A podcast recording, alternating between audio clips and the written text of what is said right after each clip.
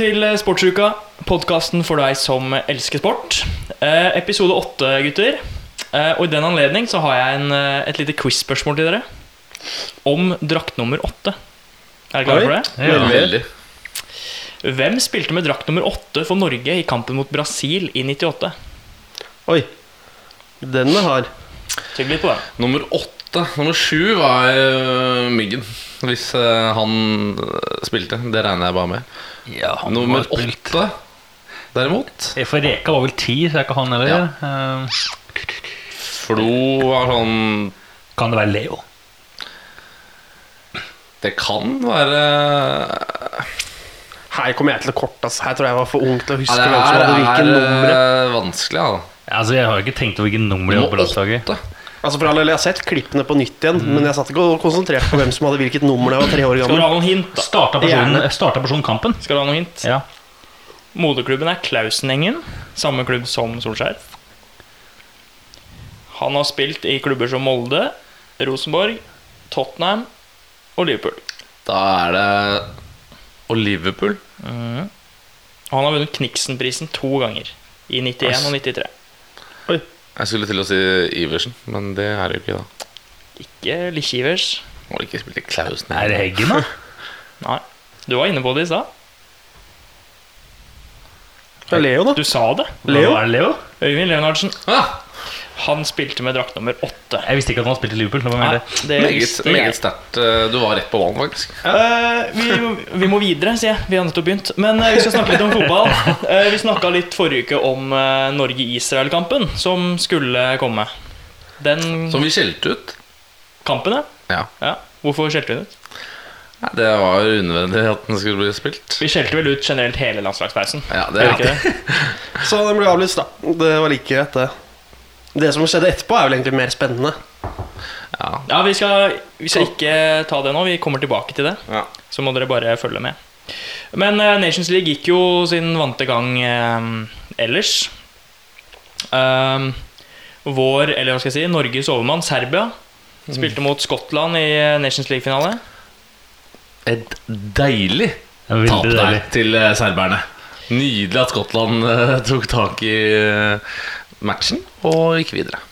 Og det var jo ikke hvilken som helst match. Det var jo, endte jo med straffekonk. Mm. Og um, det var jo sånn at ehm, Skottland skårte jo tidlig i andre gangen. Først, i hvert fall. Skårte først, og så utligna Luka Jovic etter 80, Ja, 75-80. 88 minutter, var det vel, tror jeg. Ja, tror det var så så sent. Var det så sent, ja?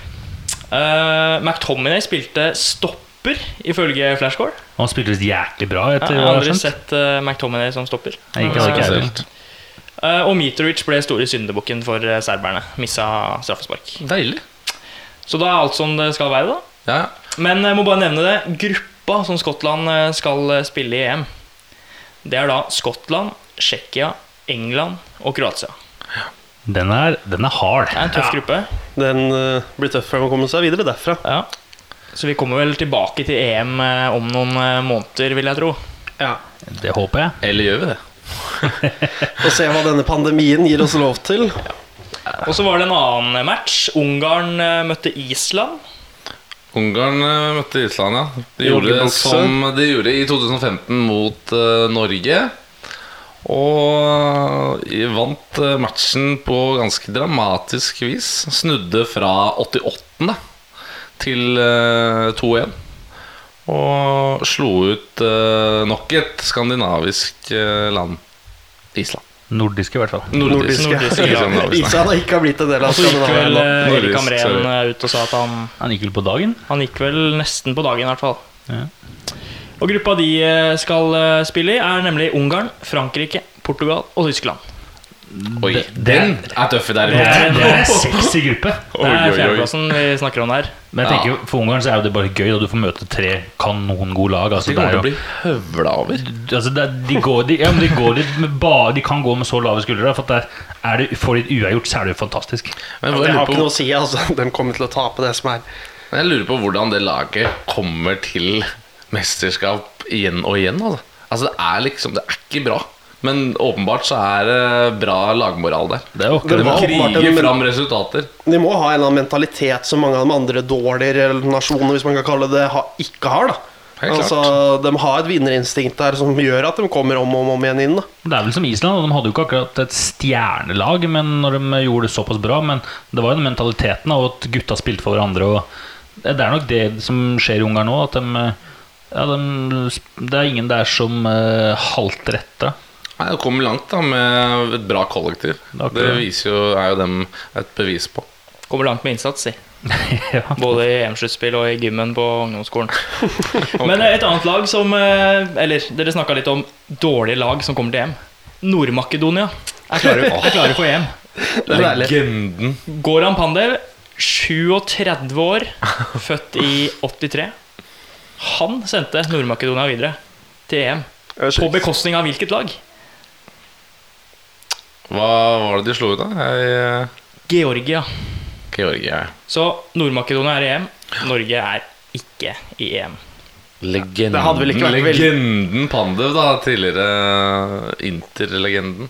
Det hadde vel ikke vært veldig mye kulere med sykt. Georgia heller, da. Det er to ganske døve men nasjoner. er med Pandev. da. Han skal jo, nå skal jo han, han skal jo spille EM, han òg.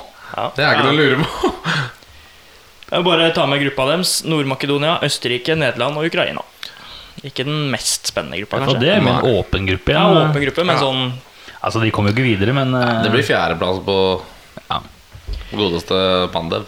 Eh, og så skal vi over på langrenn. For eh, den uka som var, så kom nyheten om at Flugstad Østberg har fått startnekt hele sesongen. Hva tenker vi om det, Ola? Det er jo nitrist. da altså, det er, jo- altså, mener jeg ikke at det er, trist at du, ikke- at det er for så trist at du mister sesongen, og det, men det syns jeg er bra at de drar i At de, at de drar i brekket der. Men jeg syns det er veldig trist det som har skjedd med Og at eh, Ja, det er jo det er jo ikke noe gøy når noe sånt skjer med folk.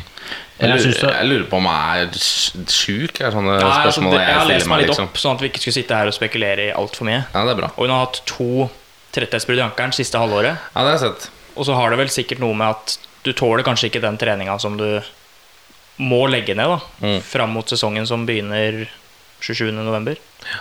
mm, Så Sånn alt i alt så syns jeg egentlig det er ganske bra. Hvis du ser på det store bildet av det. Hvis du, det bra de hvis du hører på for eksempel hun Vibeke Skofterud var ganske ærlig på det når hun la opp av alle dem Kall det spiseforstyrrelse henne hadde, og problemer med det vektnedgang, vektoppgang, trening kontra kosthold. At man begynte å sette inn sånne regler, er jo fint. Fordi det er åpenbart at det er mange, spesielt på damesiden, som sliter med det. Så mm, trist at det selvfølgelig er en nordmann, nordmann vi er glad i, som får startnekt, men det store bildet av det er jo positiv retning, da. Så er det jo veldig synd for unge jenter spesielt. da altså, For at jeg vet, jeg husker en Det var jo en stund hvor det så ganske ille ut på norske skigymnas. Av det der presset med at uh, de skulle være så tynne og så lette. Og, så jeg syns det er bra at de får, de får starten. Ikke, da er bare å se på Frida Karlsson, da. ja. Hun er eh, Hun er tynn, altså. Ja, fy faen. Veldig. Det, men hun Helt har rå. alltid vært rå. tynn. Men hun er helt rå. Det er maskin. Det er maskin, ass. Men altså, ja, det, jeg synes bare jeg husker første gang de kom ut med den pressekonferansen hvor hun fikk startnekt for en måned eller hva det var for noe i fjor. Ja, det var så virka som hun ikke ville gå så veldig mye i detalj på hva det var. Og sånne ting Og da begynner jo folk å lure på hva altså, har jeg liksom spiseforstyrrelse og sånne ting. Som det snakkes litt om, da. Men, eh, men åpenbart så Eller ikke åpenbart, men jeg vet jo ingen som vet om det er det, eller om det bare er blitt litt for mye trening. Men eh, de skal jo bli fulgt opp ganske tett da, med både ernæring og trening. At det skal jo ikke skje i den, eh, på altså topp, topp, topp idrett.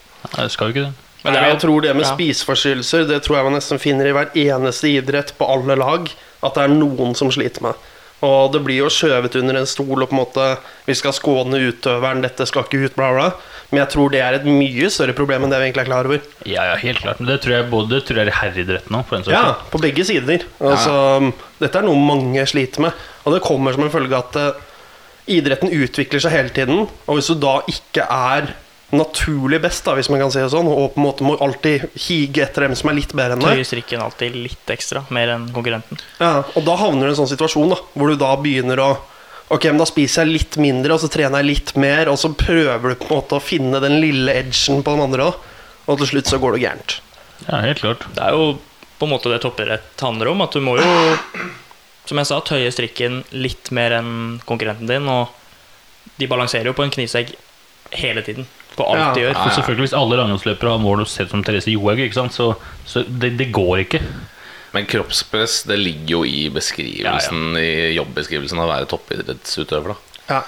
Ja, det er et par idretter som er heldige nok til å ha det andre mot andre veien. holdt jeg på å si Typ min og Ola sin favorittidrett. Der er det spis mest og tren mest. holdt jeg på å si Bli tyngst mulig. Det, Alpint der, ja. Som, Ja. som tjuseren sa, fett er fart. ja.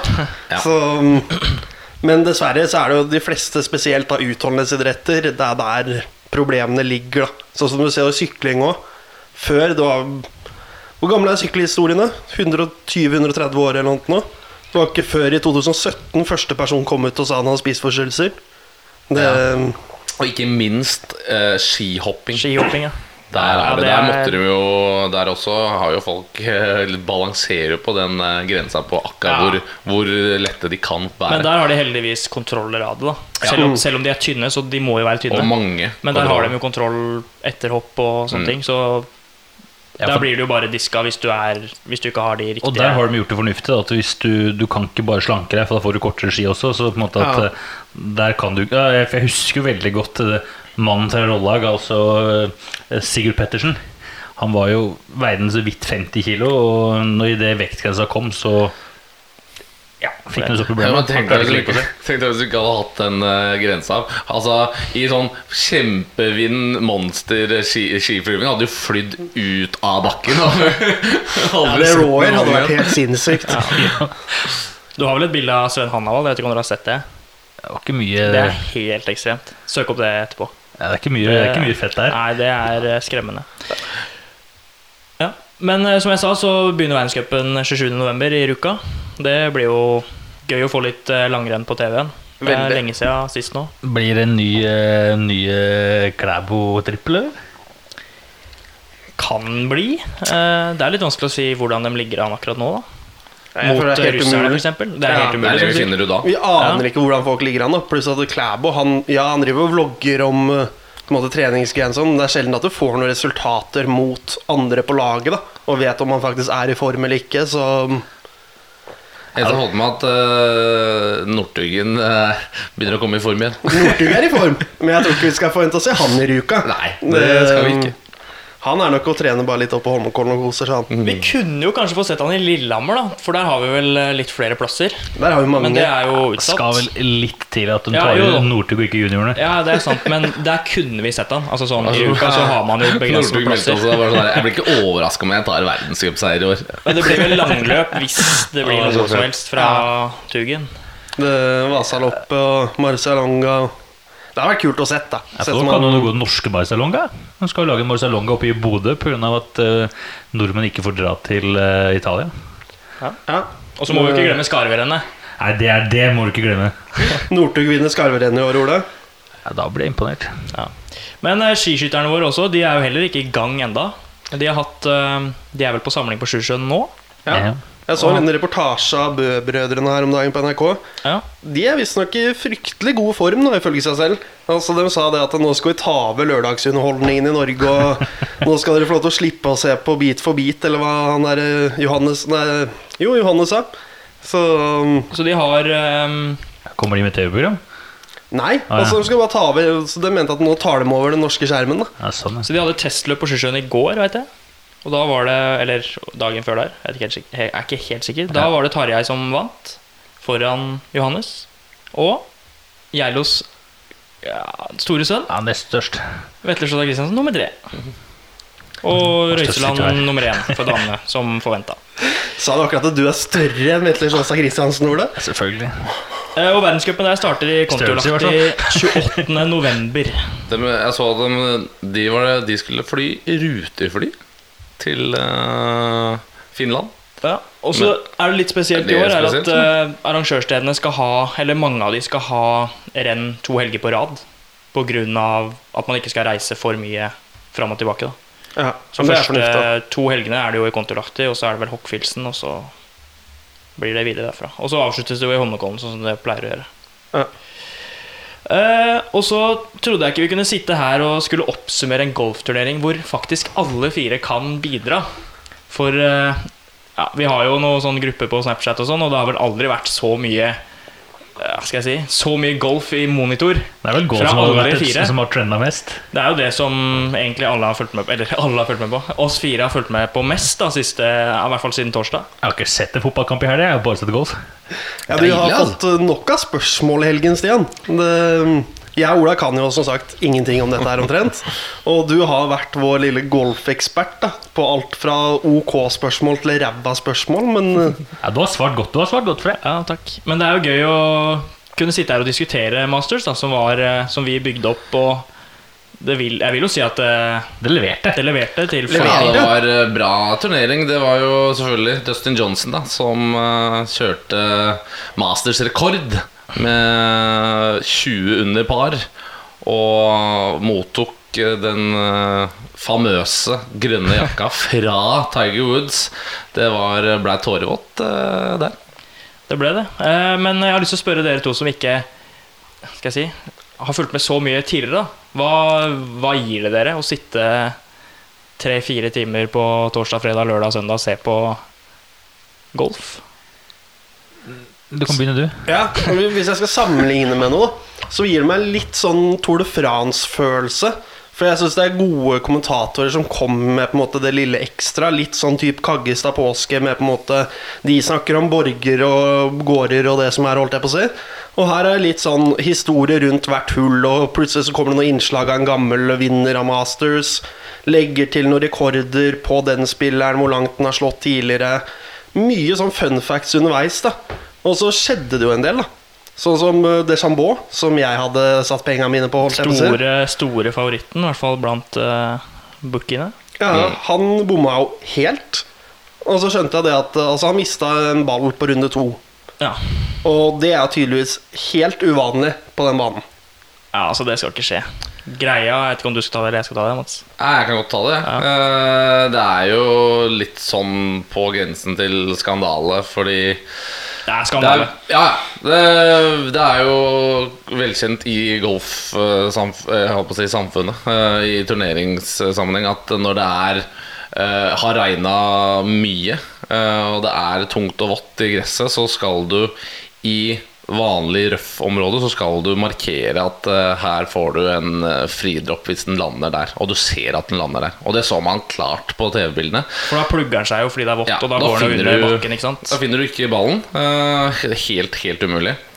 Og da, men det hadde de ikke gjort, da. Og Bryson uh, tok det bedre enn jeg hadde forventa, for han pleier jo å egentlig miste det litt uh, når det gjelder sånne ting. Han mista det jo fullstendig sånn Jo, men så, sånn, jeg mener sånn men- der og da Ja. til dommeren og sånn. Han pleier Ja. å bli ganske hissig. Ja, han oppførte seg pent. Det må Ja, jo ha kokt. rett tilbake, og da tenkte jeg sånn Oi, skal han, har han, han modna? Skal han bare komme seg over det og bare banke på med noen bøller? Eh, men han er jo velkjent for å Han tåler jo dette, disse situasjonene ganske dårlig. Eh, takler det dårlig, og gjorde også det denne gangen. Gjorde som meg, driva høyre. Ja, vi var jo, må si det, vi var jo på På golf her på Hvilken dag var det? Torsdag? Torsdag, ja. Torsdagen. Yes. Slo litt baller, og det var jo over all forventning. Fra, hvert fall fra Ola Det var jo Sebastian. kjempegøy. Jeg hadde ikke slått en golfball jeg, på over ti år, Tre. Du kan jo bare ta det med en gang, Ola. Hvor langt slo du? Jeg slo 236 meter. 236 meter fra ute. Ja, så å det imponerende, det, altså. Men eh, Masters var eh, Ja, det var kjempegøy å se på. Og så er det som Definitivt. Sebastian sier, det hjelper at man har to kommentatorer som har egentlig all mulig kunnskap, og kan formidle det på en måte som at det ikke blir for Hva skal jeg si? For kjedelig. Ja, for kjedelig eller for mye begreper og sånne ting. da Nå skal ikke jeg på en måte mm, kaste noen under bussen her, men hvis man ser Tour de France på andre kanaler enn TV 2, så kan ofte det være litt trått i lengden, syns i hvert fall jeg, da, med visse kommentatorer. Fordi det er veldig lite kunnskap om det som skjer rundt, og bare litt sånn Ja, der sitter bla, bla, bla, og han bla, bla, bla, og så er det egentlig dritkjedelig. Så det hjelper jo det å ha den lille edgen, da, om at man kan mye om disse hullene her. Sånn som En ting jeg synes var jævla fascinerende Nå husker jeg ikke nøyaktig hvem dette var, og hvilket hull det var. Men de tok jo fram en av historiene om at en som hadde vunnet Masters, vokste opp som en sånn greenkeeper eller hva han kalte for noe, for det ene hullet. Og endte opp med å vinne Masters på det hullet han var greenkeeper for. og noe. Det, det er mye sånn bra småhistorier da som gjør det jævla interessant. Det er kult. Ja, De er jo utrolig flinke, da, Henrik Bjørnstad og Per Haugsrud, til å ja, formidle golf, rett og slett. Eh, Det blir tøft for folk som Eller generelt folk som ikke spiller golf. eh, De ser jo ikke fire timer golf. eh, Det, det blir for mye og blir litt for kjedelig. Men med dem så, så gjør det litt lettere, og du lærer ganske mye. Og da, jeg synes eh, vi har gjort en god jobb, jeg og Hvitt. At vi har fått to som ikke spiller golf, til å se fire dager med Masters. Og de kan jo bare glede seg til Ryder Cup når det er Europa mot USA Ja, da blir det enda mer det, show. er enda mer show. Ja. Og da er det jo faktisk litt uh, Da meldes det litt. USA Og, mot Europa. ja.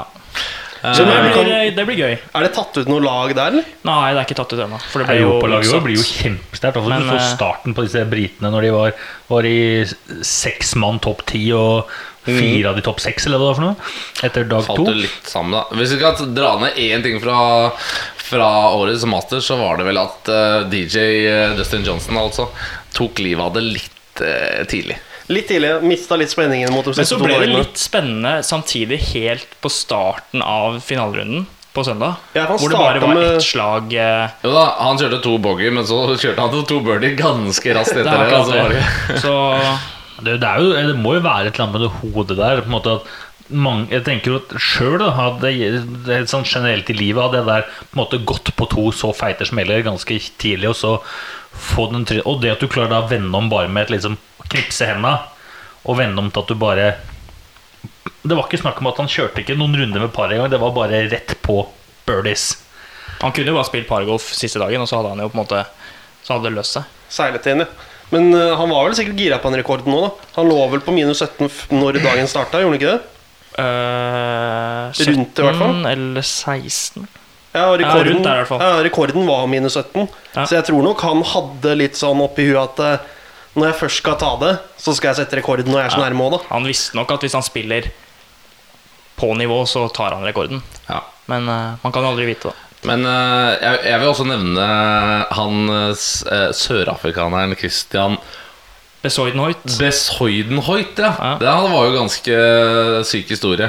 Hvor han eh, tidligere hadde vært og lekt i gatene hjemme, eller et eller annet, og så hadde han funnet en colaboks, drukket av den, og så var det rottegift oppi der. Og så etter hvert altså, så hadde han selvfølgelig da fått medisiner som skulle hjelpe han gjennom det her. Og det hadde ført til at han røyk i dopingkontroll og utestengt i to år. Kom tilbake nå, etter å da, igjen selvfølgelig da etter å ha kommet tilbake først vunnet en turnering som gjorde at han ble invitert. Og så kom han på, faktisk på 38.-plass. 100 par. Og en annen ting er også bare sånn helt på slutten her Jeg har Ja. skjønt at golf har vært en gentleman-sport lenge, men jeg visste ikke at det var så drøyt som det der. Altså han eh, Er Reed han heter? Patrick han, Reed, ja. ja. Han som alle hater. Ja. Altså Bare for at han tar og børster bort litt sand, så er det liksom juks. Og da står folk og buer på han hver gang han slår. Det er, det er på Ryder Cup hvor de buer, og selv Ja. amerikanerne buer jo på han. det er jo helt vilt. Men kan du fortelle hvorfor er han så hata? Jeg syns han virka som en fin fyr. Ja, det Det er er jo litt av det, da. At han har et par episoder, litt uheldige episoder hvor han fjerner litt sand i bunkeren. Du kan ikke grunne kølla i bunkeren, blant Ja, annet. sånn, ja. Altså, det er jo som sagt, det er en gentleman-sport hvor etikette står veldig høyt, og hva du har lov til og ikke lov til, det skal du liksom ikke Du skal ikke dytte på de grensene.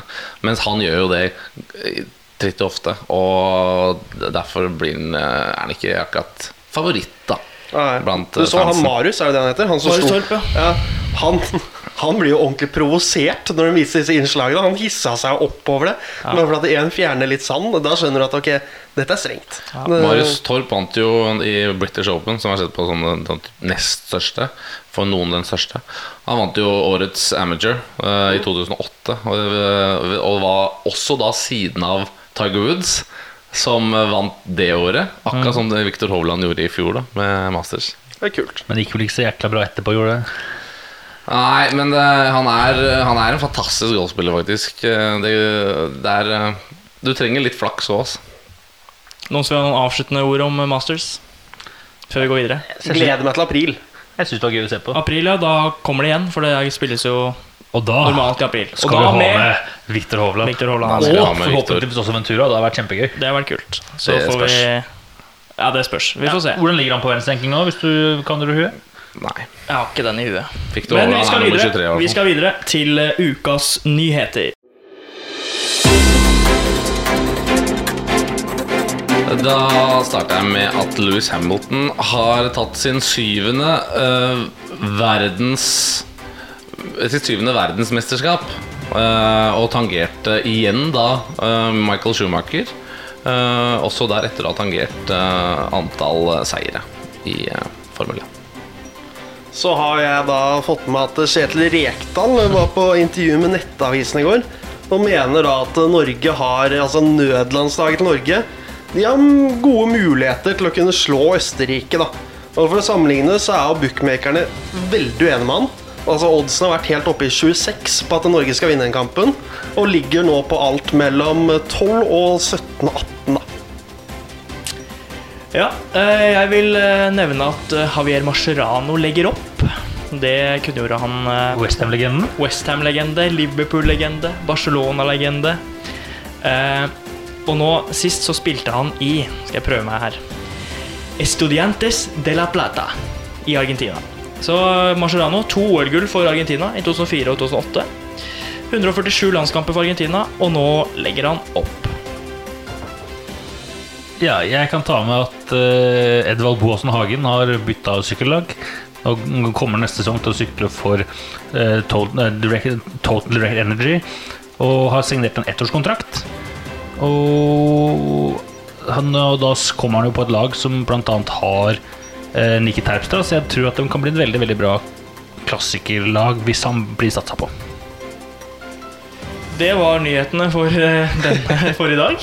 Eh, Nå skal vi over på en helt ny spalte, nemlig Ukas anbefaling. Spalten hvor én en i eh, panelet skal eh, anbefale enten en serie, bok, film, eh, fotballåt eller låt. Et eller annet relatert med sport, enkelt og greit, da. Ja. Så i dag så er det Ola Uthus som skal um, anbefale noe. Vi vet ikke hva det er, og det er veldig spent. Så da kan du bare sette i gang. Ja, tusen takk. Nei, jeg skal ta for meg en film som uh, har Som er basert på en sånn historie som fra handlingen er fra 2002. Og det handler rett og slett om uh, baseballklubben Oakland Athletics med, med general manager, altså dag, hva skal vi kalle det, daglig leder, uh, Billy Bean, spilt av Brad Pitt. Er, filmen heter Moneyball. Eh, det, som var, det som var med Moneyball, var det at Eh, skal jeg starte? Eh, du kan starte med Bill Bean. Altså det som skjedde med laget i 2001, så røyk de i det som heter Division Finals, altså det siste som skjer på en måte før World Series. Og da ble han veldig skuffa. Ikke spoil her avslutningen, da. Nei, dette er jo sesongen før. Ja. Og da tapte de, og da ble han selvfølgelig veldig skuffa. Og laget har på en måte veldig dårlig råd, så mister de sine tre beste spillere på eh, free agency, altså at de går gratis. Og har jo da et kjempeproblem. Og ved en tilfeldighet så er da Billy Bean på Uh, Han er på en, et scoutingoppdrag på, på et universitet og ser på et lag. Og der møter han en som heter Peter Brand, som er, kommer rett ut En økonom, økonom rett ut av Yale, som har laga et nytt system på hvordan han mener at scouting skal foregå. Og eh, dette blir jo selvfølgelig da Mr. Bean litt uh, interessert i, og spør han litt ut. Og rett og slett spør han eh, hvordan han ville sett på Billy Bean, som da tidligere var et fantastisk talent og ble drafta veldig veldig tidlig i eh, draften. Og spør han hva ville du gjort med meg? Og sa han ut fra statistikk om, om han ville tatt han rett ut av high school. Da, da sa han jeg ville tatt deg i niende runde. Og da blir han veldig imponert og ansetter han på dagen som assisterende general manager. Og det som da er med hele systemet Moneyball, det er jo det at man tar på en måte I stedet for å ha én spiller som kan alt, så tar du på en måte ut spillere som leverer resultat på forskjellige ting. F.eks. på innings, på bare kaste ballen inn igjen. eh, Det å slå ut. Altså totalscorer. I stedet for å ha én superspiller, så kan du ha tre spillere som spiller hans posisjon, på en måte. For en mye lavere penge. Spisskvaliteter, altså. Rett og slett spisskvaliteter. Og dette er jo noe da Peter Brand lager et system på. Altså det de kaller mm, cyber, atlet- cyber Cybermetrics, som det så pent heter. Jeg vet ikke, jeg kommer ikke på norsk ord for det. Nei. Og eh, ja, da lager de dette systemet, og til slutt viser det seg at dette systemet fungerer jo i praksis veldig veldig bra. For I starten så gjør de det veldig veldig dårlig, for at treneren ikke vil bruke de spillerne som de henter. Men da det de gjør da, gjør de så enkelt at de bare trader bort de spillerne han, treneren bruker, så han blir nødt til å bruke de spillerne. Og det resulterer med at de faktisk setter rekord 20 seier Nå er du vel inne på noe spoiling her, Ola. Nei, altså de setter rekord og setter 20 seire på rad. Ja, men du Ja, da kan du se filmen, da. Hvis Ja. du vil finne ut hva som skjer. Du må ikke avslutte. Men er det en film dere, dere andre har sett? Har dere sett filmen? Jeg har sett filmen, ja. Jeg har sett den for veldig mange år siden, så jeg husker jeg har sett filmen to, to ganger. Ja. Jeg har jo ikke sett den, selvfølgelig. Nei. Det er dritbra film, og ganske bra forklart av Ola her også. Og hvis du vil vite hvordan det går, så må du gå og se filmen. Men eh, aldri en anbefaling uten terningkast. Altså, Jeg syns at eh, med hele historien om hva som skjer videre, og på en måte hva filmen hadde å si for, for videre Terningkast seks. Terningkast seks anbefales på det varmeste. Skal vi også gi en terningkast, eller så du får litt uh... Ja, vær så god. Uh, Jeg ruller terningkast uh, fem, i hvert fall. Fem. Jeg syns den er litt kjedelig. Er sånn sterk treer. Det er Ja, da skjønner ikke du hvordan sporten funker. Nei, men jeg har ikke sett den, så jeg skal ikke Scratch gi noe terningkast. Men jeg har lovt gutta at jeg skal se den. Det er bra. Så eh. Vi får se. Og så i går eh, kveld så ba vi om lytterspørsmål fra dere lyttere. Og det har kommet inn en haug med spørsmål. Ja. Nei, Det har kommet inn to spørsmål fra min eh, gode venn Sander Østby. Siste skanse for Follo fotball. ja. Eh, og Sebastian, du har vel spørsmålene, du? Jeg har spørsmålene her. Det er da som sagt fra Sander Østby. Begge er selvfølgelig rettet mot deg. Ja. Så um, jeg tenker at vi først uh, skal gi deg muligheten til å kunne ta en liten parodi. Liten For det han spør om, er om du kan etterligne Skausen til Allison. Og da er det kanskje greit først å høre på hvordan Skausen til Allison er, da. Bare for å ta det først. Det her var et klipp eh, fra da Allison var eh, relativt ny i klubben. Og en sånn typisk sånn derre Altså Han er keeperen til Liverpool. for de Keeperen som lurer. Liverpool, sånn skal lære seg noen Scouse-begreper. Altså måten de snakker på i Liverpool. Så vi kan høre her nå. Come on, lad. ja. Så jeg trenger ikke å forklare noe mer, kanskje? Nei, for, Da. Nei, det er bare prøve, dette er Kjør. Come on, lad. Ja, Du mangler latteren, da, men Ja, uh, latteren har jeg ikke, men det der er jo ternekast. Terningkast. Terningkast. Tre. Nei, han får mer enn det. Um, Tre. Det er bedre enn Moneyball. Fire. ja. Og så har vi et spørsmål til. Ja, Han lurer også på om du kan forklare hvorfor Reece James er bedre enn uh, Trent Alexander Arnold. Ja. Det korte svaret er nei. Det kan jeg ikke. Fordi han er ikke bedre enn Trent Alexander Arnold. Og begrunnelsen er egentlig bare stats. Tall. Eh, Alt. alt, egentlig. Så nei, Sander, det kan jeg ikke gjøre. Altså, James er et bra talent, men altså, du er jo helt snøblind hvis du tror han er bedre enn Arnold. Altså, må du opp i ringa. Arnold. Skal sies at Sander Um, er eh, Chelsea-supporter, da. Ja, det skjønte Ja, jeg. Men, eh, men at Reece James vi sender en blomst til Sander for at han er Chelsea-supporter. ja, Reece James kan eh, bli veldig veldig god, han. Men Hvordan eh, at han skal få er bedre enn blomst Trent eh? Alexander Arnold, det er Få litt medfølelse, da. Skal vi snakke litt mer i munnen på hverandre? Gjerne. Jeg prøver alle sammen samtidig. Det var alle lyttespørsmål vi hadde fått inn denne, uke. denne uka. Eh, og nå skal vi se litt på kommende uke. For, uh, eller uka vi er inne i. For det kommer uh, ja, mye fotball igjen. Mm. Eh, vi har en landskamp i kveld. Spania tar imot Tyskland i Nations League. Kvart på ni går den. Det er kult. To, ja, to av de beste landslagene vi Ja. har. Ja, altså to lag som har vært eh, gjennom, eller er også gjennom generasjonsskifte på en måte på begge lag. Der er Tyskland kanskje ett eller to hakk lenger fram enn Spania akkurat på det å få Mm. satt inn de nye unge spillerne. Men det er iallfall et utrolig kult kobbel med unge spillere som er, presterer høyt ute i Europa, som møter hverandre. Det, hvis du ser Det var noen stats på dette her som var at eh, når Spania vant EM første gangen, så var vel det kun med startoppstillingen med Barcelona og Real Madrid-spillere. Mm. Nå er det vel én Real Madrid-spiller som vanligvis, eller én til to, Carvajal og Ramos, og én til to Barcelona-spillere i laget, og resten er fra andre klubber. da Så Spania-landslaget har blitt et eh, blir feil å kalle det mer flerkulturelt, men i hvert fall et mer eh, De har, de har kommet fra mye flere klubber, og jeg tror også det gjør at de kanskje presterer litt dårligere òg.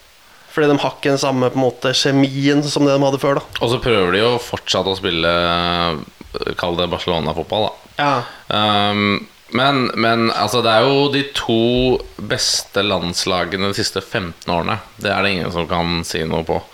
Og det blir, det blir i hvert fall veldig kult å se maktforholdet i, i en match nå i, i kveld. ja. Eh, En annen kamp, vi kan bare nevne det. Frankrike tar imot Sverige. Ikke like kul match, men det er jo også en Ja. kul kamp. Jeg syns Frankrike ser så tamme ut nå, hvis du så den Portugal-Frankrike-kampen. Det er kjedelig, altså. Vi De vant, da. Pogba Jo. var vel ute og meldte litt òg, så jeg. Vet ikke om du har fått med deg det? Ola? Jo, jeg så Ja, det. jo. Den uh, ute og ukentlige. Pogba-meldinga. Meldte vel noe sånt som at uh, det var godt å Komme hjem. komme hjem uh, og Hva var det han sa? Han skrev at det var godt å komme hjem, og at eh, det har vært en veldig tung tid. Og, men her i Frankrike så, vil, så, er jeg, så er jeg velkommen, og litt i den stilen. Da. Og så og så til og med hashtagene United i meldinga. Altså, det er jo ikke noe verre for at man begynner å spille ordentlig fotball i England, og så får han jo spille, men eh, Men det er jo det er som Griezmann, det. Han er alltid best på Frankrike. Uh, men i morgen, altså onsdag, så skal eh, nødlandslaget jeg syns det er så fantastisk navn. Norge Moses, spille sier mot det. Østerrike borte. Og det har jo vært den store skal jeg si, snakkisen siste ja, de siste to dagene, i hvert fall. ja, Fra søndag Egentlig morgen. helt siden Ja, ja. Israel-kampen og hva som skulle skje etter de kampene Ja. der. kriselandslaget, kaller jeg det. Vi må jo forklare litt. Nødlandslaget, hva er det for noe? Nei, Det er jo dem spillerne som er utenfor bruttotroppen, som mesteparten av dem i hvert fall, på disse 30 spillerne, som ikke spiller i Eliteserien, med unntak av Berisha, men da spiller i utenlandske klubber som gjør at de kan komme til Norge og så dra videre til Østerrike. Så de har fått eh, Og så er det unntak innen dette. De kan ikke hente spillere fra USA, altså MLS. De kan ikke hente spillere fra Tyrkia. Så altså, de har fått veldig sånn kall det restriksjoner på hvem de kan hente inn her. Så det er jo jeg, jeg hadde jo et intervju med VG-Svea i går, og han tok og Hva kan man si for noe? Han ga det et fint navn. da Dette er C-landslaget til Norge. og Men likevel ganske bra. Altså, det er jo gode fotballspillere. Ja. Det er ganske mye spennende spillere Gia Sahid er med. Ja, Endelig får jeg se Gia Sahid i en viktig landsmatch. Det er jeg faktisk er kjempefornøyd med. Men, men ikke sant? Det, er jo, det blir jo en konsentrasjon av folk som av spillere som aldri har spilt sammen. Null relasjoner, og de kan være så gode de vil, men hvis de vinner den matchen, da, da blir jeg veldig imponert. Men da er det mye flaks involvert, tror jeg. Altså. Men flere av disse har vel spilt sammen i, i ungdomsfotballen, på U21 og sånn. Veldig mange U21-spillere. Så en at mange av de har jo relasjon allikevel, da. Det hjelper. Men jeg gir det ni av ti eh, tap. Ja, jeg var litt innpå det på nyheten, holdt jeg på å si. Altså Oddsen har vært oppe i 26 for at Norge skulle vinne den kampen her. Det, det sier jo litt, da. Når du kan få 26 ganger pengene dine for at Norge skal vinne over Østerrike, som egentlig ikke er spesielt god form. Men hva, Vi- vi hva, er, jo- men hva er ståa nå? Altså, hvis, kan, kan Norge gå videre hvis de vinner, eller er de screwed uansett, med tanke på at eh, Romania røyk? Det er vel Ja, nå spiller vi om å rykke opp i Nations League-ligaen. Ja, ja. Så hvis vi vinner over Østerrike, så rykker vi opp. Det er hele poenget. Nei, men det er vel eh, Jeg så en artikkel her i går eh, fra TV 2 hvor det var egentlig ingen som var sikre på hva som kommer til å skje. Men vi må jo nevne da at vi selvfølgelig da tapte, selv om alle sikkert vet det, at vi tapte på walkover mot Det er ikke bestemt. Nei, jeg vet det, men det er det jeg skal inn på, mot Romania. Men foreløpig så eh, har vi liksom tapt kampen, da. Men hvis Uefa, Uefa kan gå inn og si at det er ikke forbundet sitt feil, ingen av forbundene sine sin feil, og da blir det coin toss eller noe sånt, leste jeg. Det er helt Da må du kjøre offisiell sånn TV-coin toss. Da Hvor det står én representant én fra Norge, én fra Romania, og så Det blir litt sånn Norway Cup-prinsipp. da Du vinner på Ja. flest corner. Og det er rått.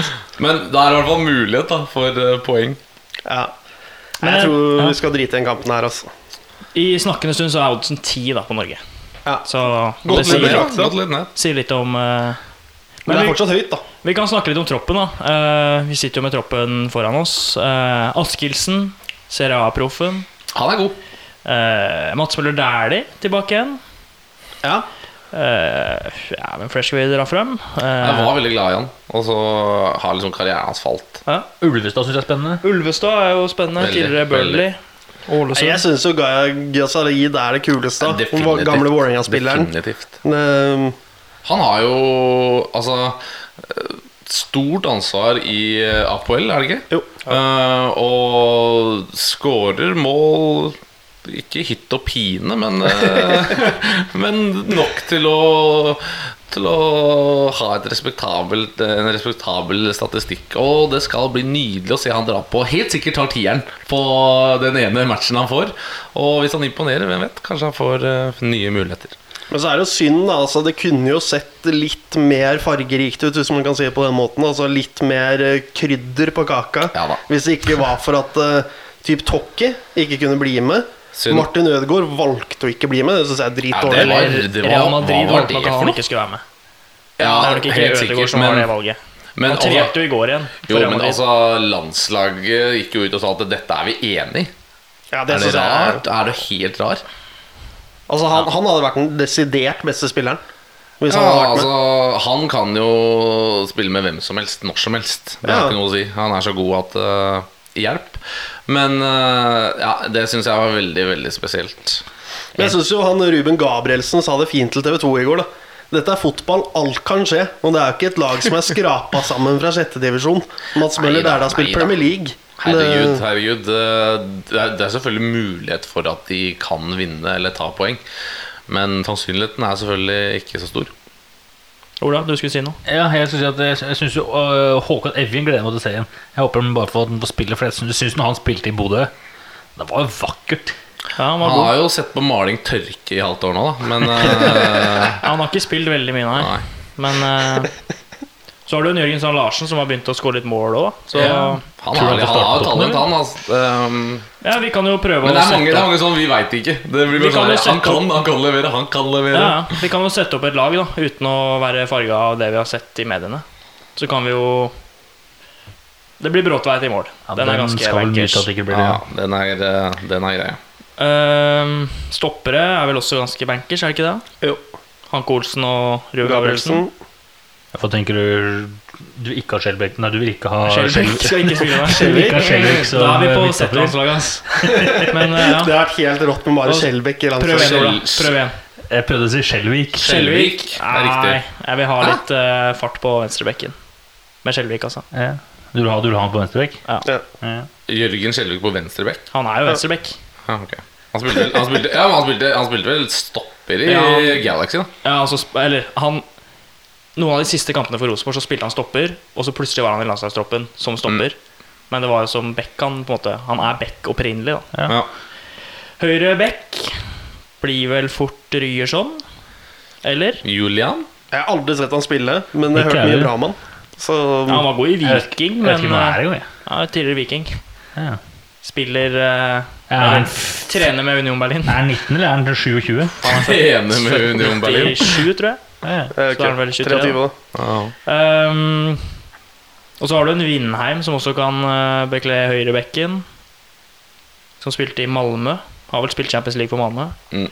Mm, men vi går for Ryerson. Ja. ja, hvorfor ikke? Ja. Det var vel backfirer pluss keeper. Fantastisk. Midtbane. Har vi noe for en ting jeg vil spørre om, eh, for jeg ser jo ikke så mye U21, men åssen formasjon pleier han godeste Smer. Smerud? Å spille? Spiller han flat fire, eller spiller han eh, 4-2-3? Jeg mener han spilte en del 4-2-3, fire Altså 4-2-3-1, 4-4-2 Han har spilt litt alt, da. Ja, for jeg tenker, for å 4-4-1-1. sette opp laget, så det videre Han har brukt. Torstvedt på topp, blant annet. Så du skal ikke se helt bort ifra Men eh, ja, vi skal, Evjen skal vel sikkert inn, da. Evjen spiller vel fort på en av Høyre. kantene. Han er jo, altså når han, Det han holdt på med i Bodø, var jo helt latterlig. Ja. Høyrekanten Evjen, innoverkant. Ja. Venstre Saeed. Venstrekant eh, Ja, blir vel fort det. Sentralt Da veit jeg ikke. Det Askildsen, i hvert fall. Askildsen, da. Jo, den er klar. Askildsen og Helt klart. Torstvedt. da. Torstvedt. Nei, det var ikke Vitker. Ikke? Jakob.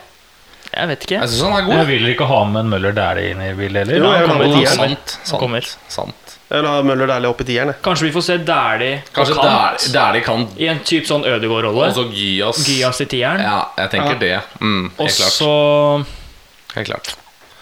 topp, da. Strand Larsen Ja, eller nå må vi gjøre oss ferdig Ja. med midtbanen. da. Hvem er det du vil ha istedenfor Torstvedt? Uh, sentralt uh, Askildsen og Må jeg si her Eh, Kanskje vi får se Ulvestad, da. Som har vært eh, målkåt borte i Sverige. Ja. Ulvestad og Askildsen. Eh, og så var det enten Berisha eller Strand Larsen på topp. Mm. Da blir det Strand Larsen, da. Ja, det bør jo bli det. Ja. Så da har vi Skal egentlig vi se, da. Ola, er du enig? Ja, hva ble egentlig laget nå? Laget ble som følger. Bra du følger med. Bråtveit, rot, synes jeg. Bråtveit i mål. Ja. Høyrebekk eh. Ryerson. Stoppere Hanke Olsen og Gabrielsen. Og så gir vi bindet til Gabrielsen. Ja. Ja. Venstre bekk eh, Jørgen Skjelvik.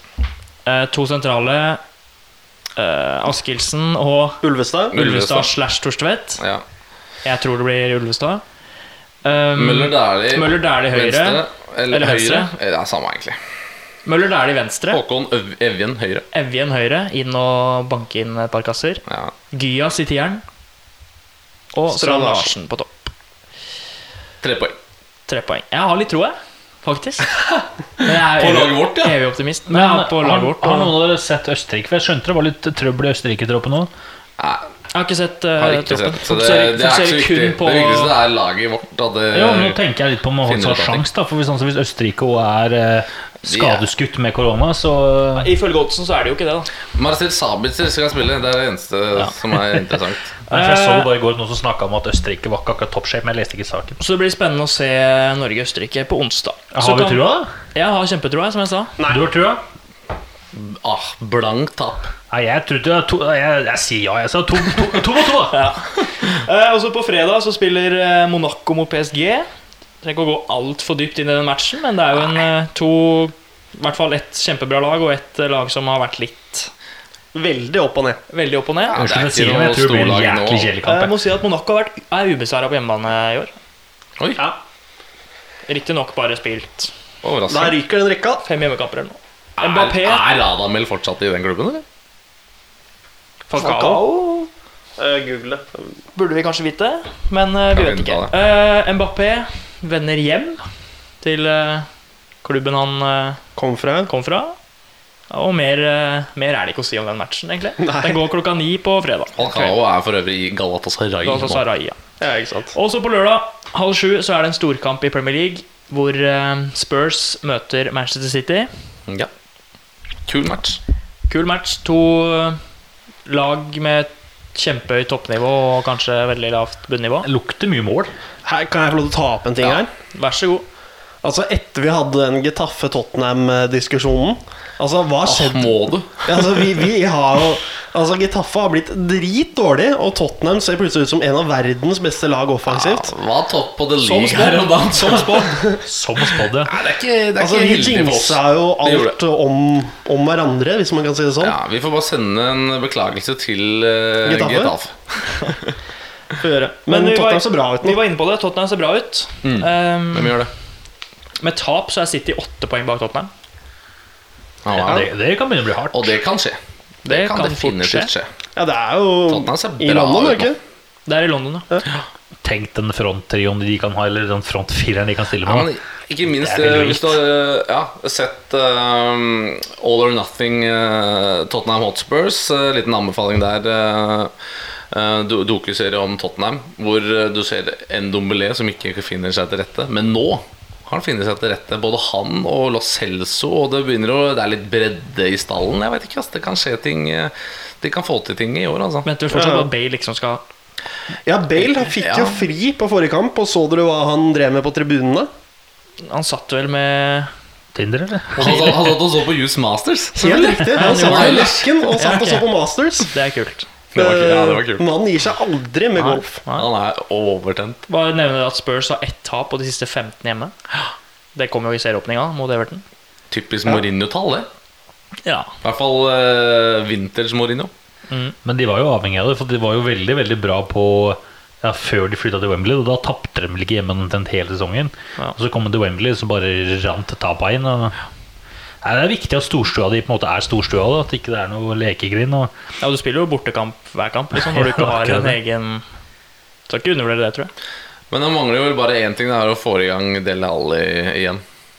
Ja. Hvis ikke Holdt på å si det er for sent. Men nå er det jo mer sånn, nå er det mer sånn hvor skal han inn på laget, da? Ja, det er sant. For det hadde, på en måte, Før så var han jo såpass viktig for at de ikke hadde noen andre, men nå er det mer sånn Nå har de folk i alle posisjoner som spiller dritbra. da. Ja, altså, folk trodde jo han var den neste store engelske spilleren, men Han eh, skulle jo til Real Madrid, det var ikke måte Ikke på. Han var jo kjempe... Altså, Han var det. Han var det. Men det- fallhøyden var åpenbart veldig høy. Nei, skal vi hoppe videre? Hoppe videre til uh, noen timer seinere på lørdag. Klokka ni så møter Atletico Madrid Barcelona. Fy. Det er litt synd, da. Altså, jeg hadde jo både gru, eller jeg hadde grugledet meg, hvis man kan si det sånn, til å se at Suárez skulle komme og spille mot Barcelona. Det er jo veldig lenge siden vi har sett det. Men så fikk han korona. Så Suárez må stå over. Og Atletico Altså, de har gode nok spisser, dem. Så Ja, det er synd. Jeg, eh, det hadde vært enda bedre Ja, det er det på Wanda Metropolitano, men Ja.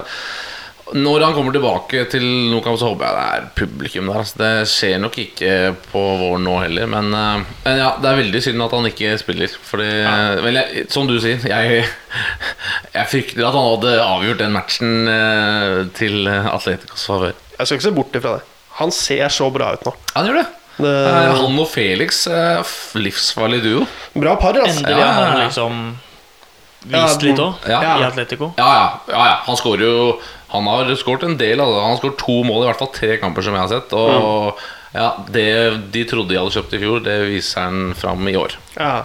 Blitt runden spiller den to-tre ganger, og Så han gjør det bra, han. Ser veldig bra ut. Det var eh, nok fotball. Eh, tennis kommer en interessant match i kveld, eh, eller om noen timer, faktisk. Klokka 15.00. Stemmer det. Da er det Rafael Nadal mot uh, Tiem. Hva er det for navn igjen? Dominic Team. Dominic Thiem. Det er vel nummer to og nummer tre på, på verdensrankinga. Som eh, det braker løs, det. Det blir nok eh, morsomt. Hvilken turnering er det nå? ATP London. Oh, ja. ATP Finals Ja. London, tror jeg. Ja. har, det, har det kommet så langt allerede? Mm. Kalenderen går fort. Ja, vi Altså. er jo i november. Midten av november. Så det blir en eh, kul match. Um, og så har jeg lyst til å nevne at skihoppsesongen begynner nå til eh, helgen Det blir gøy, det. i Visla. Og det er vel bestemt at det skal være 2500 tilskuere der. Så hvordan de løser det Det er jo heldigvis utendørs, så det blir jo litt lettere. Og det blir, det blir en veldig viktig pekepinn for hvordan vinteren blir med publikum òg. Når FIS tester det nå, så jeg håper jo det går veldig veldig bra. Så hadde du en prat med Lindvik, du. Eh, Jeg var oppe i Midtstua forrige onsdag og skulle skrive en sak der, på Lindvik. Ehm, hva sa han? Hva, hva er målene hans for i år? Han eh, sa ganske klart og tydelig at han skal ende topp fem eh, sammenlagt i verdenscupen. Han ble vel nummer seks eller sju i fjor. Mye pga. resultatene i hoppuka, selvfølgelig, hvor han ble nummer to. Men uh, han var optimist. Uh, men de var veldig usikre på hvordan de andre landa, eller, ja, landa ser ut. da For de har ikke fått testa seg så mye. Ja, det var ikke noen sommerkamp De var én tur i Polen i sommer, uh, og da sendte de bare noen for å hoppe litt uh, sommer Grand Prix, heter det vel. Ja. Uh, så de var litt usikre på hvor de eh, sto i forhold til de andre, da. Men eh, nei, jeg tror det blir, det blir godt å se litt vintersport igjen. Selv om det kanskje ikke blir så veldig mye Altså, det ser kanskje ikke ut som vintersport. Jeg vet ikke hvor mye snø det er nedover i Europa. Men Ingen anelse. Men uh, ski er ski, er det ikke det? Jo, ski er ski. Så kvalik på fredag i Wisla, så det gleder vi oss til. Stor bakke, eller? Stor bakke. Ja, det er gøy. Og så var det litt alpint, skjønte jeg, Ola. Ja, damene begynner jo sesongen sin i Levi oppe i Nord-Finland til helga, med to slalåmrenn lørdag og søndag. Og der, Kampen om reinsdyrene. ja, der er jo sånn, sånn apropos reinsdyr, det er sånn at vinneren får sitt eget reinsdyr. Som du får, du får sette navn på, og som, som går opp i Vinneren får et reinsdyr. ja, Ja, han, er han er der oppe, da. Du får den ikke med hjem. Jo, Liksom. du kan, du kan ta dem hjem, men det er jo sånn at det er jo ingen som har bruk for et reinsdyr hjemme. Det Så det har som- blitt sånn at det er en reinsdyrfarm der oppe. Og så har det blitt en tradisjon at hvis du vinner, så skal du oppkalle reinsdyr etter faren din. Så oppi der så har du da reinsdyr med navn til fedrene til alle de beste alpinistene de siste 10-15 åra. Og det er, det er helt rått. Du har faren til Hirscher og faren lol. Ja, det er faren til Visa Kostlic har vel også et reinsdyr oppkalt etter seg. Og Det er et veldig kult konsept. Kristoffersen har et opp oppå. Det er en morsom Nydelig. Ja, er- Men får du et nytt et hvis du vinner igjen? Ja. Ja, hver gang du vinner. Så Hirscher har vel en to-tre stykker. Så du kan i prinsippet liksom lage en liten eh, farm og Kan, Ja. kan, kan samle et helt sånn eh, julenissens uh, slede. slede. Ja, for det er faktisk julenissen som kommer med reinsdyr der, så det er litt sånn funny gimmick. Ja. Så han kommer med dem inn i, inn i målområdet, ja. Nå må vi gå videre. Vi eh, skal videre til 21 spørsmål. eh, Og i denne Ja. episoden her så er det du, Mats, som skal eh, teste våre kunnskaper om en utøver. Det er helt, helt korrekt. Vi kjører bare i gang. Bare på. Sebastian åpner ballet. Er det en mann? Ja. Er han norsk? Nei. Er det en sommeridrett? Er han en sommeridrett? Altså, spør man Han driv er ikke en sommeridrett. Nei. Eller er, ok, ok. Nei. Han sa det. Ok, eh, Står han på ski? Nei. Nå. Ja, Men, men nå må vi begynne å tenke litt. Det er en Ja. mann, eh, det er en Vinteridrett. vinteridrett, og han står ikke på ski. Hva er igjen da? Står han på Står han på skøyter? Ja. Og han er ikke norsk? Jeg spør- jeg spør- eh, ja, Finn ut hvor finn ut hvor han er fra. Ja, ja. Finn det ut, da. Eh, Er han, er han europeer? Nei. Har han spilt Jo. Sorry. Ja, han er europeer. Ja. Ja. Ok, Er han fra Nederland? Nei. Eh, Har han hockeykølle? Du må ikke hoppe over stien, da. Jeg bare kjør, du, da. Ja, han har hockeykølle. Jeg bare dobbeltsjekker. Ja, Dobbeltsjekk, du, mens vi bare oppsummerer det vi har til nå. Vinteridrett, Ja, for Da jeg skjønte at på han begynte å lure, var da han var usikker på om han var europeer. Da tenkte jeg da er han hockeyspiller. Ja. Og da, er han- da veit jeg hvem det er. Ja, det er greit. Kjør. Starter etternavnet på O. Nei. Nei, faen. Da visste vi ikke Men hvis han er usikker på om han er europeer, så Nei, han er det. Ja, men den, den, den hadde han visst at han var europeer. Men hvilke land er det som er på det. da? Russland? Tyrkia? Har du ikke en tyrkisk fotballspiller? Nei, nei, men jeg bare tenker på hvilke land er det som er på grensen mellom Ja. Asia Eller på en måte kunne vært en annen verdensdel. da. Så er det russer, da. Nei. Det var derfor jeg trodde det var Ovetsjkin. da. Men eh, Nei, vi kan spørre om noe mer, da. Til Eh, spørsmål er godt. Eh, har han spilt i NHL? Ja. Dumt Jo, jeg spørsmål. tenkte jeg også kunne finne ut om han, om han kunne vært svensk eller om han kunne liksom vært en dårlig spiller. Ja, ok. Som er en lurespørsmål. Han er ikke norsk. Er det svensk, da? Nei. Er han aktiv? Ja. Hvis han var usikker på om det var i Så var han det selvfølgelig. Da hadde ikke tenkt på var Svent. Han veit at Sverige er i Europa. Oppe. Ja, men altså Han vet vel hvilke alle land som er i Europa? Ja, fuck det. Um, Det er en helt annen diskusjon. eh, Men er vi, på tre, er vi på 13 eller er vi på 18? 13. Jeg var på 13, ja. Eh, Ok, vi vet om det er europeisk, Han Vet alle hvem det er, eller? Det bør dere. Ja, ok Eh, ok, han er, okay, hva Så han er ikke så åpenbar, siden han er sier det bør hockeyspiller, har spilt i NHL, er ikke norsk, ikke svensk, han er europeisk. Var han aktiv? Han var, Ja. aktiv, ja. Han var ikke fra Russland. Eh, Er han finsk? Nei. Nei, da er det et problem, for jeg kan ikke navnet på noen. Jeg klarer ikke å si navnet på disse finnene. Altså, jeg, jeg tror ikke jeg kan så mye utenlandsk. Ja, jeg tenkte han kan være tsjekker, men da hadde det veit han at det er europeer. Så jeg tenker at eh, Spør, da. Men du hadde ikke Eller ikke noe. spør. Jeg kan, jeg kan ingen tsjekkiske hockeyspillere. Du kan jo én. Nei? Største av dem. Han er Ja, jo vent, da. Um, Ja, prøv, da. Er han tsjekker? Ja. Så var du usikker på om det var europeisk? Er det ingen som har sagt at det ja, bare si imponerer? Åh, hva heter han? Han heter jo eh, Du har, sju- da, du har ett spørsmål, vet du det? Hæ? Dere var, Det gikk fort fra 13 Vi har fem igjen. 15, Rorane nå. Seks igjen har vi. Er det han eh, Åh, Hva heter han gamlingen? Står det stille. Han det gamlingen. Eh, Han gamlingen eh, Herregud. Nå spiller nå, nå Nei, sp- Jeg er blank, tror jeg. Åh, Jeg vet jo hva han heter. Det er han gamlingen, ikke sant? Uh, Hvis han er aktiv nå. ja, han er jo 44-47, hvis det er han heter. Jeg tror det er Nei, sjekker. ja, Jeg blir overrasket hvis jeg har hørt om en tsjekkisk hockeyspiller. Altså. eh, Herregud, det er jo å stå helt stille. Eh, Dere vet jo hvem han er. Eh, Altså, si navnet, da, hvis du absolutt skal jeg, vite hvem dette jeg har det jo, men eh, Kan vi få noe hint, da? Noe på bokstav, Eh, liksom? Er det han jeg tror det er? Altså, Er jeg inne på det? Fy faen, altså, Ola, dette er så Det bullshit. jeg Jeg kunne også sittet sånn her. Ja, jeg vet hvem det er, jeg vet hvem det er, men jeg kommer ikke på navnet. Dette tror du det visst, Ja, gutta. eh, åh, det står jo helt stille. Det er han du tror det er. Jeg kan, jeg kan melde at han, eh, han er 48 år gammel. Han spiller fortsatt. Ja, Han spiller fortsatt. Han er jo den største maskinen i Ja, i- i- i- Jager ja, ja, ja, ja, ja, Jager. Hva heter han for noe? Heter han ikke Jager, da? Jo, eh, ikke det? Hva heter han for noe? Eh, Det er det det står helt stille. Nei, det får, det får være Ja. Hva er fornavnet, da? Jaromir Jager er riktig Jager. svar. Ja, ok. Det tok lang tid. Aldri hørt om. Det står det- helt Jeg har aldri hørt om Jaromir Altså, når du sier Jager. Jager, Jager så altså, når du sa liksom stor Da For det er bare ikke fra hva jeg- har jeg liksom, hadde ikke tatt til, det bare på en quiz. Har du ikke hørt om har du Jo, jeg har hørt om han, men jeg, har- jeg hadde ikke tatt det sånn nå. Han er en av de største legendene i, i NHL, liksom. Ja, spiller ikke han i Sveits eller noe nå? Han spiller faktisk i moderklubben der han starta karrieren sin for 30 år siden. Vilt. Vi må videre til eh, vårt siste segment, nemlig tippelappen.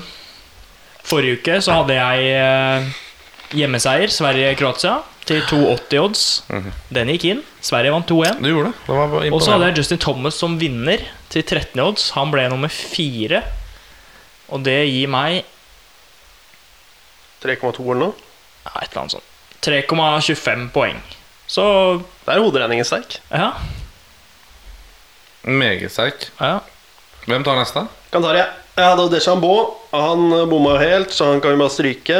Og så fikk jeg revansjmenn da, på Portugal-Frankrike. Bomma sist gang. Nå vant Frankrike. 2,80 på meg.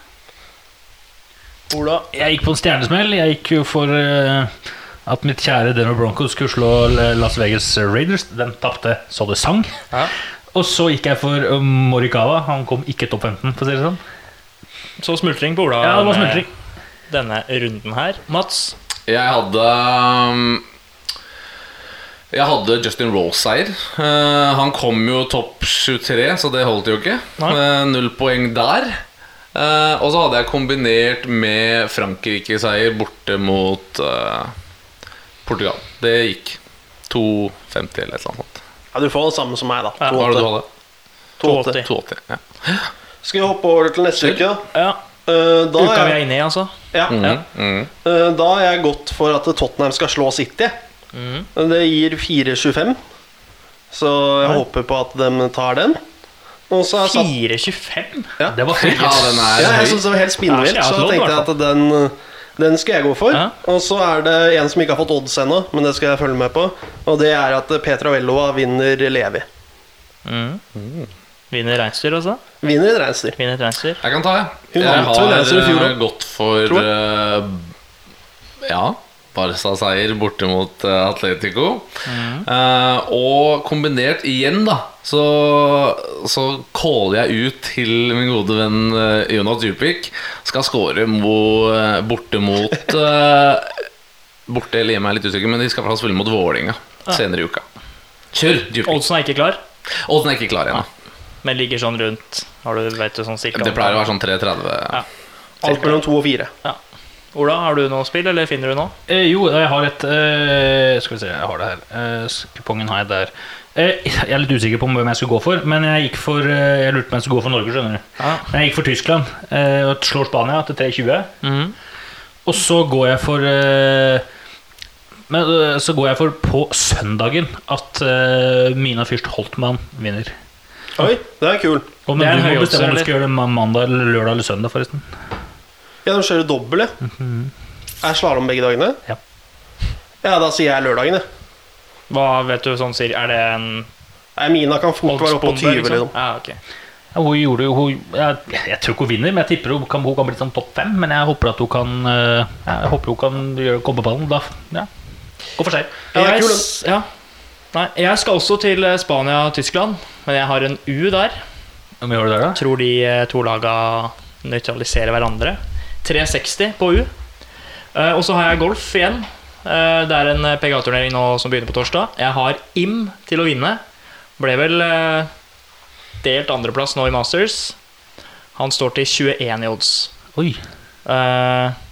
Litt redd for at han blir sånn Nå har han liksom Litt fornøyd, da. litt fornøyd og brukt all eh, mulig energi på Masters. Og så.